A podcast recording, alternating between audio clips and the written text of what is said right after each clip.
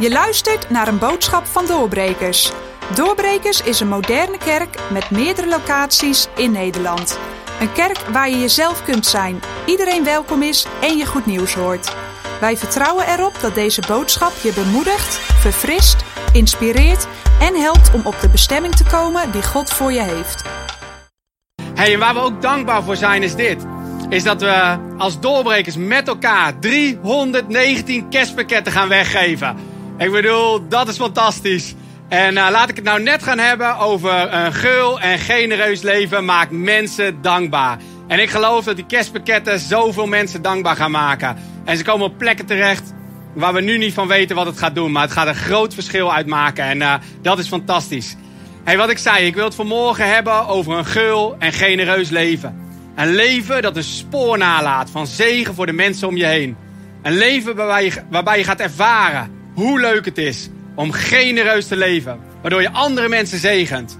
En we zullen ook zien wat de vier manieren van vrijgevigheid is, uh, wat die zijn. En uh, wat het effect van jouw gulheid op andere mensen zal zijn. Een gul en genereus leven maakt mensen dankbaar. En als je het hebt over een gever, over de meest genereuze persoon, dan is het wel onze Vader in de hemel. Bedoel, hij is bij uitstek een gever. Peter sprak vorige week over God als de ik ben. Hij is onveranderlijk. Hij is eeuwig. Hij is altijd tegenwoordig. En als je kijkt naar de namen van God, zoals God zich openbaart in het Oude Testament op de zwart-wit tv, zoals Peter zei.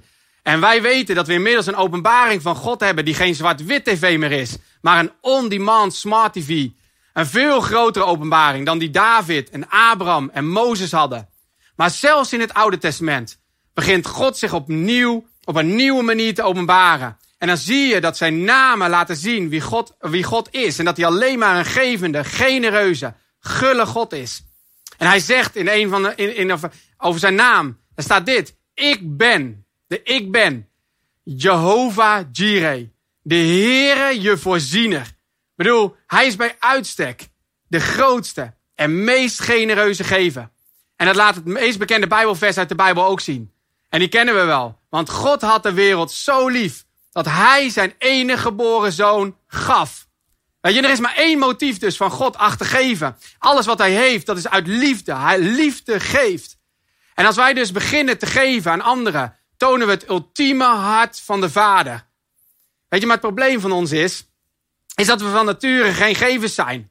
En je denkt, ah joh, die maak het niet zo zwaar. Nou, weet je, ik heb vier jongens rondlopen en die roepen alleen maar ik en dit is van mij. En waar gaan de ruzies over? Dat gaat helemaal nergens over. Behalve aan spullen trekken en, en heel hard schreeuwen totdat je gelijk krijgt.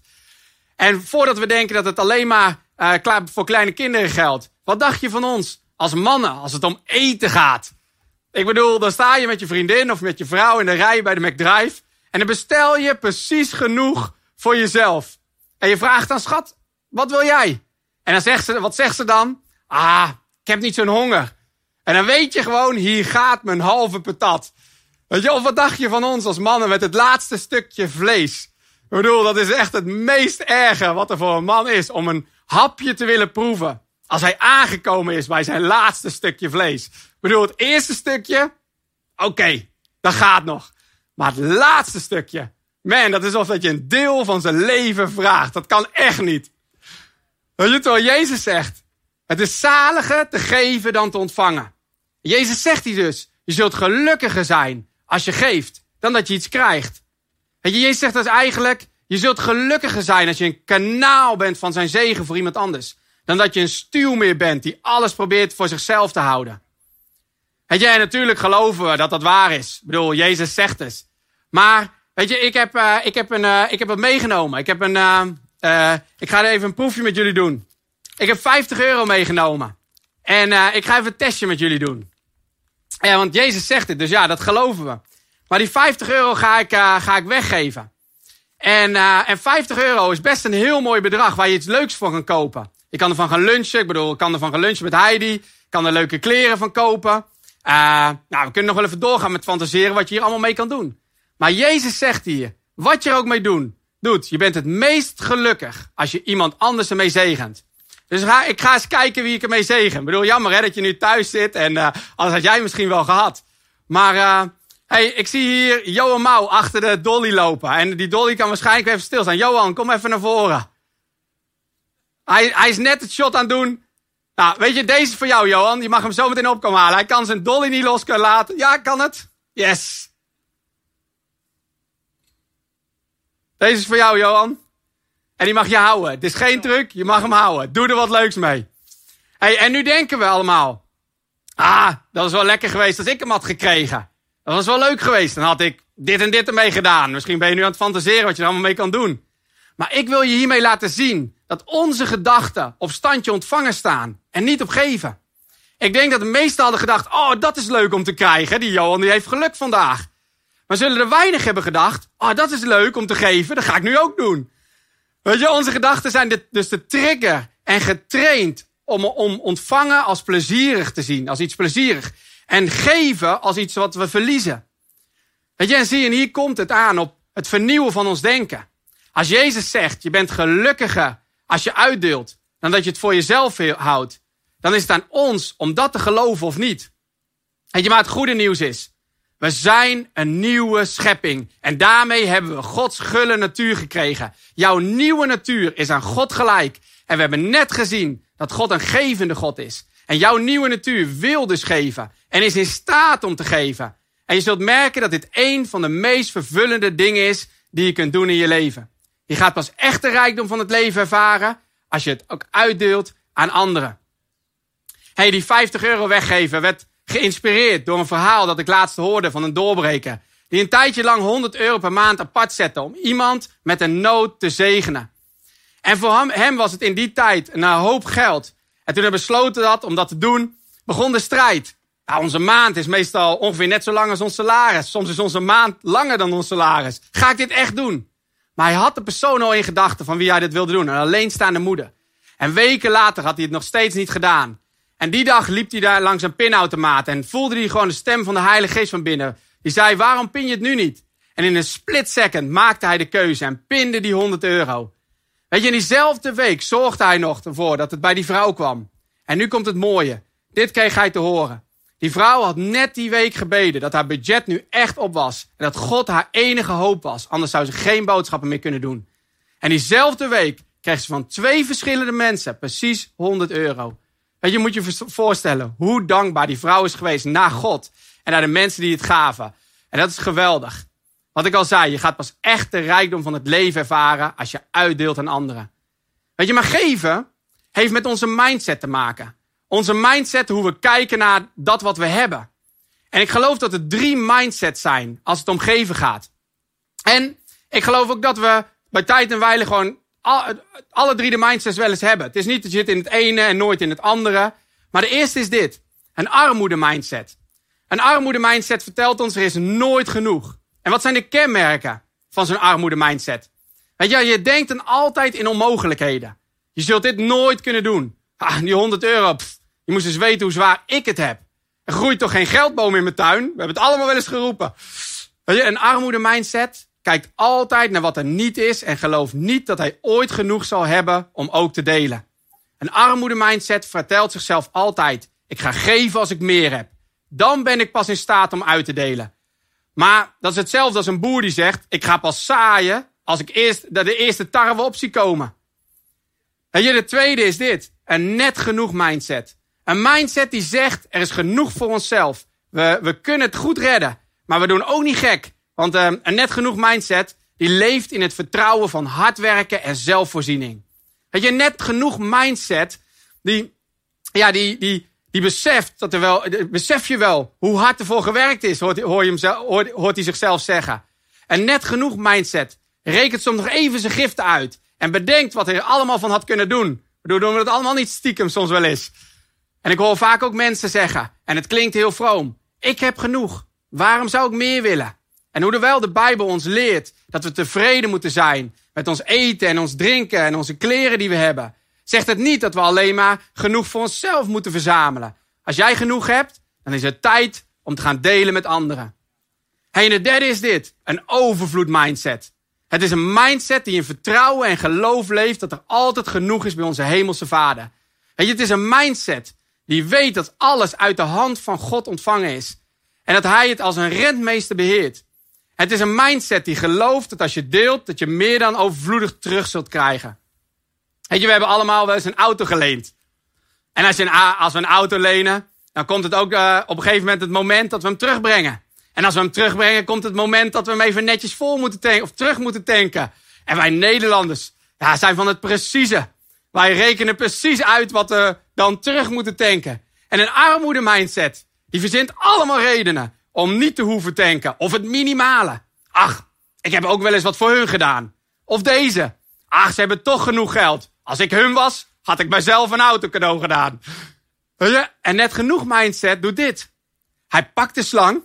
Hij denkt na hoe ver hij heeft gereden. Kijkt op het klokje van, de, van het tankstation. En tankt precies die 10 euro terug voor dat ene ritje. Zo, ik heb mijn plicht gedaan.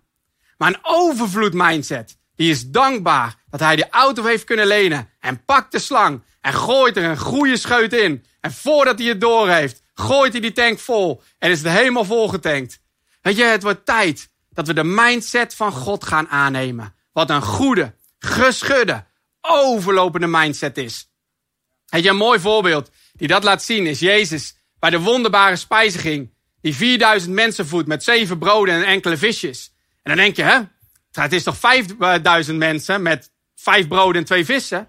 Maar dit keer, er zijn twee verhalen over, twee verhalen over wonderbare spijziging. En uh, dit keer hadden de discipelen nagedacht. En die hadden, er staat dat zij die zeven broden en enkele visjes bij zich hadden. En nu was Judas daar met een armoede mindset. En hij haalde snel wat brood en vis uit zijn zak, die hij nog net had ingestopt s'morgens. En hij dacht, ik eet het snel op, voordat het op is. En voordat ze ontdekken dat ik het heb, eet ik het op, want anders heb ik niet genoeg. En Thomas was er ook. En die was daar net met een net genoeg mindset. En die twijfelde of er ooit wel weer zo'n grote voorziening zou zijn, net als de vorige keer. Dus hij dacht, ik heb hier zeven broodjes en een paar visjes, mooi. Net genoeg voor de discipelen, een half broodje, stukje vis, precies genoeg. Maar daar is Johannes, met een overvloed mindset. De discipel die Jezus lief had, die Gods hart kende. Die dacht, ik geef het aan Jezus en ik vertrouw erop dat Hij zorgt voor meer dan genoeg. Het je, en de eerlijke vraag die we aan onszelf kunnen stellen is, welke mindset, in welke mindset leef je het meeste van de tijd?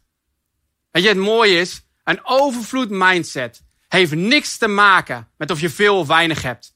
Maar het is een mindset die van binnenuit komt. Het is een mindset die vanuit dankbaarheid en liefde leeft. Weet je, ik was een jaartje of, uh, of 17. Toen ik een keer uh, Zwarte Piet speelde, bij, uh, of Piet speelde, sorry. Bij, ik leer mijn kinderen ook Piet aan. Die Piet speelde bij de korfbalvereniging. Maar op een gegeven moment waren we daar klaar en, en vroeg mijn mede Piet, onze hoofdpiet, of ik nog tijd had om, om langs een gezin te gaan. En ze waren toen, dat gezin was net gevlucht uit Irak om hun geloof. En wij waren bij haar in de straat komen wonen. En, en die Piet had ervoor gezorgd dat ze een zak vol met cadeautjes had. Allemaal leuk ingepakt. Dus zo gezegd, zo gedaan. En zo kwamen we met een zak vol cadeaus bij het huis aan. En ik weet nog, het is jaren geleden, maar hoe de kinderen heten. Drie jongens en één meisje. En je gaat het geloven of niet, maar het is echt waar. De kinderen heten Abraham, Isaac en Jacob. En Mirjam. Maar hoe bijzonder was het? Dat terwijl je wist dat ze van heel weinig rond moesten komen met hun gezin. De hele tafel volgezet werd met hapjes. En niet zoals wij Nederlanders, precies net afgepast één koekje. Nee, vol. Meer dan vol. Het bleef maar komen. Ja, en we zouden ook zeker niet weggaan voordat we ons buikje volledig dik hadden gegeten. Ik heb er nu nog steeds last van. Maar ze waren zo ontzettend dankbaar voor de cadeaus. Maar dat niet alleen. Vooral dat we aan ze gedacht hadden. Weet je, en dit is een overvloed mindset. De mensen waren zo dankbaar dat ze begonnen te geven. Meer dan dat ze van ons hadden gekregen. Weet je, er is iemand in de Bijbel. Een mooi verhaal met eh, die leeft vanuit deze gulle, genereuze mindset. En het verhaal is in Johannes 12. En ik wil hem met jullie, met jullie lezen. Ik zoek, hem even, ik zoek hem even op. En er staat dit. Jezus dan kwam, kwam zes dagen voor het paascha in Betanië. En uh, dit was het paascha waar hij gekruisigd zou worden. Waar Lazarus was. Die gestorven was. Maar die hij, Jezus, uit de doden had opgewekt. Zij nu bereidden daar een maaltijd voor hem en Martha bediende. En Lazarus was een van hen die met hem aanlagen. Maria dan nam een pond zuivere nardenzalf van zeer grote waarde. zalfde de voeten van Jezus en droogde zijn voeten met haar haren af. En het huis werd vervuld met de geur van de zalf. En toen zei een van de discipelen, Judas Iscariot, de zoon van Simon, die hem verraden zou. Ah, waarom is deze zalf niet voor 300 penningen verkocht en aan de armen gegeven?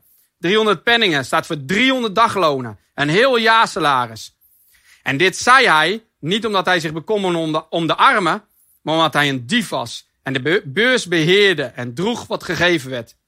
Jezus dan zei, laat haar begaan. Zij heeft dit bewaard met het oog op de dag van mijn begrafenis. Want de armen hebt u altijd bij u, maar mij hebt u niet altijd. Man, wat een geweldig verhaal. En dit verhaal laat duidelijk zien het verschil tussen twee harten. Tussen een egoïstische, armoede mindset en een gevende, overvloed mindset. Het je, geven brengt of een spirit van egoïsme, van ik-gerichtheid boven, of een vrijgevige, dankbare, overvloedige spirit. Weet je, moet je kijken wat het bij Judas boven brengt. In vers 5. Waarom is deze zalf niet voor 300 penningen verkocht en aan de armen gegeven? En Judas gaf helemaal niks om de armen. Het was gewoon een vrome spirit, waardoor hij zijn eigen jaloezie bedekte. Want het was een dief, zegt de Bijbel. En in dat hoofdstuk ervoor, een belangrijk hoofdstuk om dit verhaal te begrijpen, hadden de religieuze leiders net de opdracht gegeven dat iemand, als iemand wist waar Jezus was, dat hij hem zou aangeven, zodat ze hem konden doden. En het zou heel goed kunnen dat Judas ondertussen zijn geld al had geteld en bezig was om Jezus te verraden en te verkopen. En wist dat als hij dat geld, die 300 penningen, dat jaarsalaris, in de collectebus zou krijgen, in de beurs zou hebben. Dat hij het dan uiteindelijk allemaal zelf zou kunnen houden. Als Jezus er niet meer zou zijn. Maar de vraag hier is, waarom gaf Maria zo'n extreme, uitbundige, overvloedige gift aan Jezus? Van een compleet jaarsalaris. Hoe kon het dat zij in staat was om zo'n buitengewone gift te geven?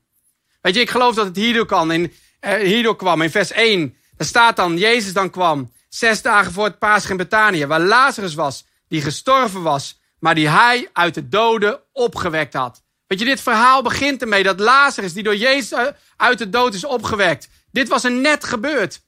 Weet je, wat zou jij doen? Als je broer, of je kind, of je moeder, of je zus door Jezus opgewekt zou worden uit de dood en diegene terugkrijgt in dit leven. Wat zou jouw reactie zijn? Zou je niet vanuit dankbaarheid niet alles geven? Weet je, maar dat is precies wat Jezus ook voor ons heeft gedaan. God de Vader heeft zijn zoon gegeven om ons uit de dood op te wekken en opnieuw levend te maken. Dit is precies wat Jezus voor ons heeft gedaan toen hij stierf en opstond voor jou en mij. En je dankbaarheid zorgt ervoor dat we gaan geven. En geven, en zorgt ervoor dat andere mensen dankbaar worden. Weet je, en als je het hebt over geven, dan kom je niet onder 2 Korinthe 8 en 9 heen. Waar Paulus uitgebreid spreekt over, over geven. En hij spreekt die tegen uitzonderlijke gevers. Er staat zelfs dat ze Paulus smeekten om alsjeblieft hun gift aan te nemen. Lees maar in 2 Korinthe 8. Wat een spirit als je, als je smeekt of iemand alsjeblieft je gift aan wil nemen. Bedoel, dan, dan heb je een openbaring over geven. Maar dan gaat Paulus door in 2 Korinthe 9. En het begint eigenlijk met het opscheppen over de Corinthiërs. Om overal te vertellen hoe uit, uitzonderlijk hun vrijgevigheid was. En hij zegt hij tegen ze. Laat dat getuigenis niet alleen mooie woorden zijn, maar doe het opnieuw. Laat het opnieuw waarheid worden. En dan begint Paulus te onderwijzen. In, uh, in, vers, uh, in uh, 2 Korinthe 9, vers, vers 6 tot met 8. En hij zegt dit. Bedenk dit. Wie karig zaait, zal karig oogsten. En wie overvloedig zaait, zal ook overvloedig oogsten. Weet je, eigenlijk is dit hetzelfde wat Jezus zegt in, in Lucas 6, vers 38.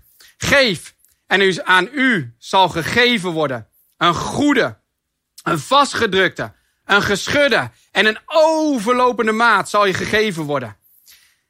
Weet je, en want met dezelfde maat waarmee u meet, zal er ook bij u gemeten worden. En dan gaat Paulus verder in vers 7. Laat ieder zoveel geven als hij zelf besloten heeft, zonder tegenzin of dwang. Want God heeft lief wie blijmoedig geeft. En je geeft omdat je wil geven. Vanuit, blijd, vanuit blijdschap. Weet je, een gift in gierigheid gegeven is voor niemand een zegen. Voor jezelf niet en voor degene die het ontvangt. Weet je, het is niet hoeveel je geeft dat telt. Maar het hart achter wat je geeft maakt het verschil.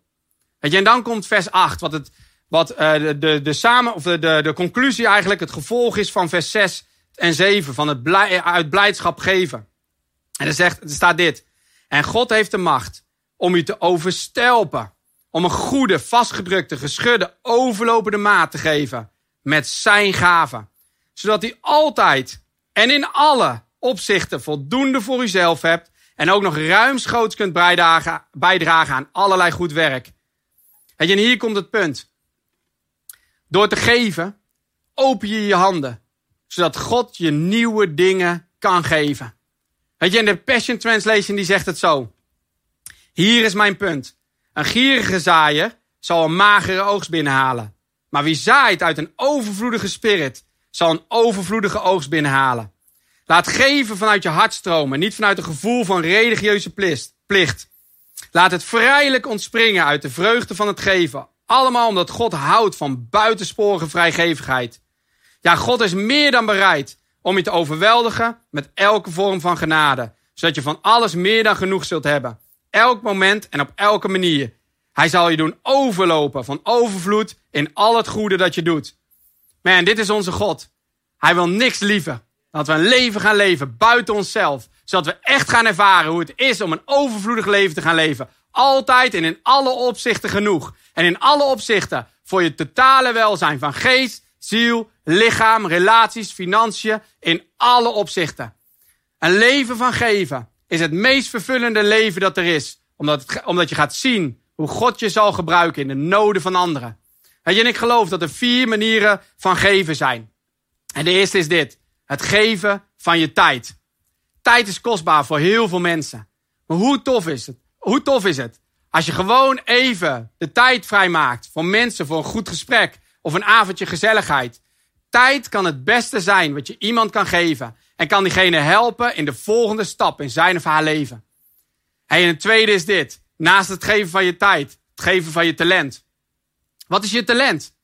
Vaak datgene waar je van zegt, ach, dat kan toch iedereen? Precies, dat is waar jij goed in bent. Weet je, geef het gewoon eens aan iemand. Deel het uit. Zet het in en doe het eens gratis. Misschien ben je elektricien.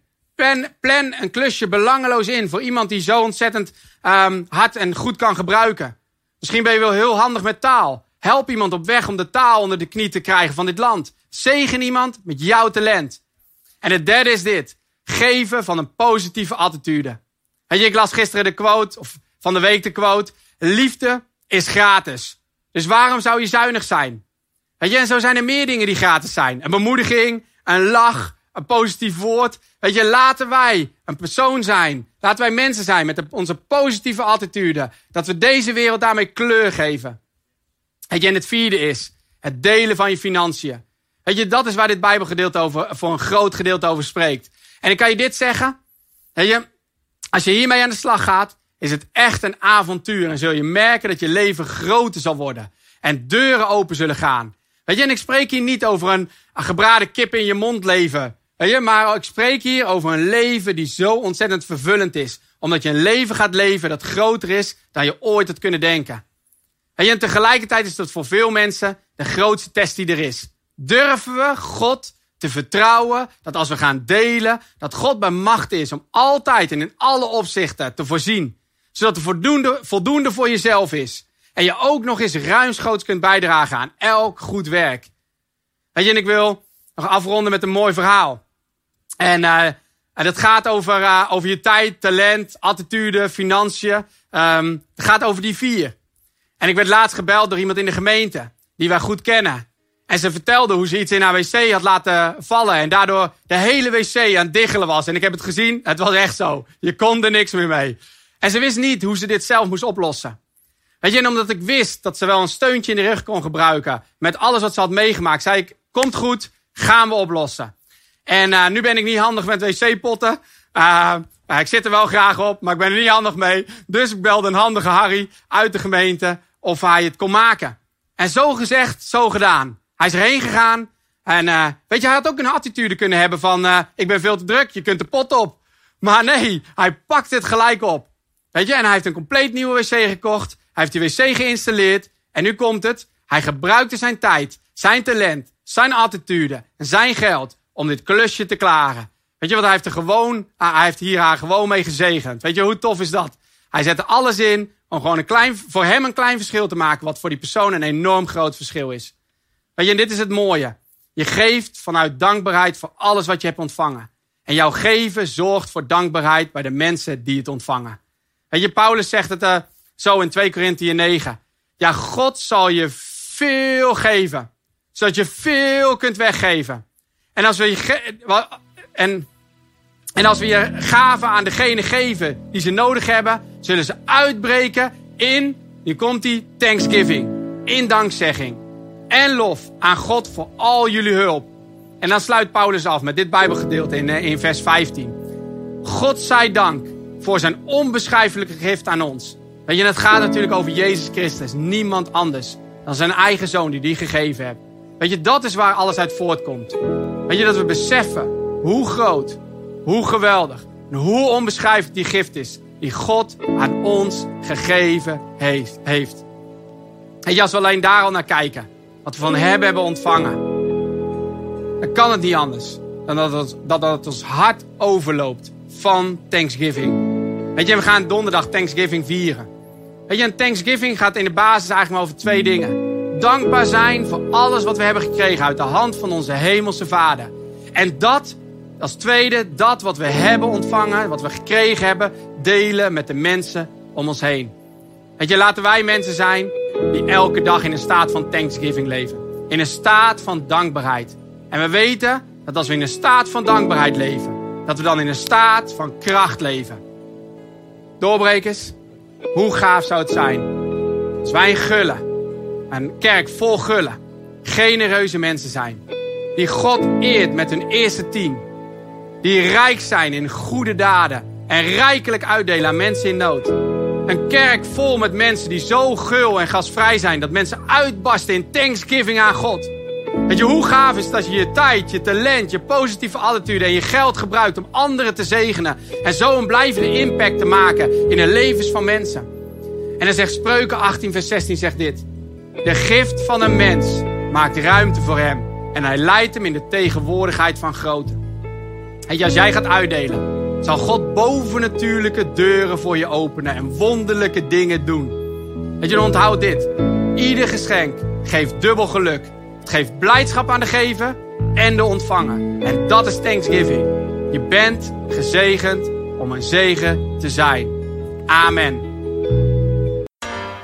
Bedankt voor het luisteren. Heeft deze boodschap je aangesproken of jouw leven veranderd? Deel het met ons via vernieuwd.doorbrekers.nl We zien je ook graag terug in een van onze samenkomsten. Check alle tijden, locaties en activiteiten op www.doorbrekers.nl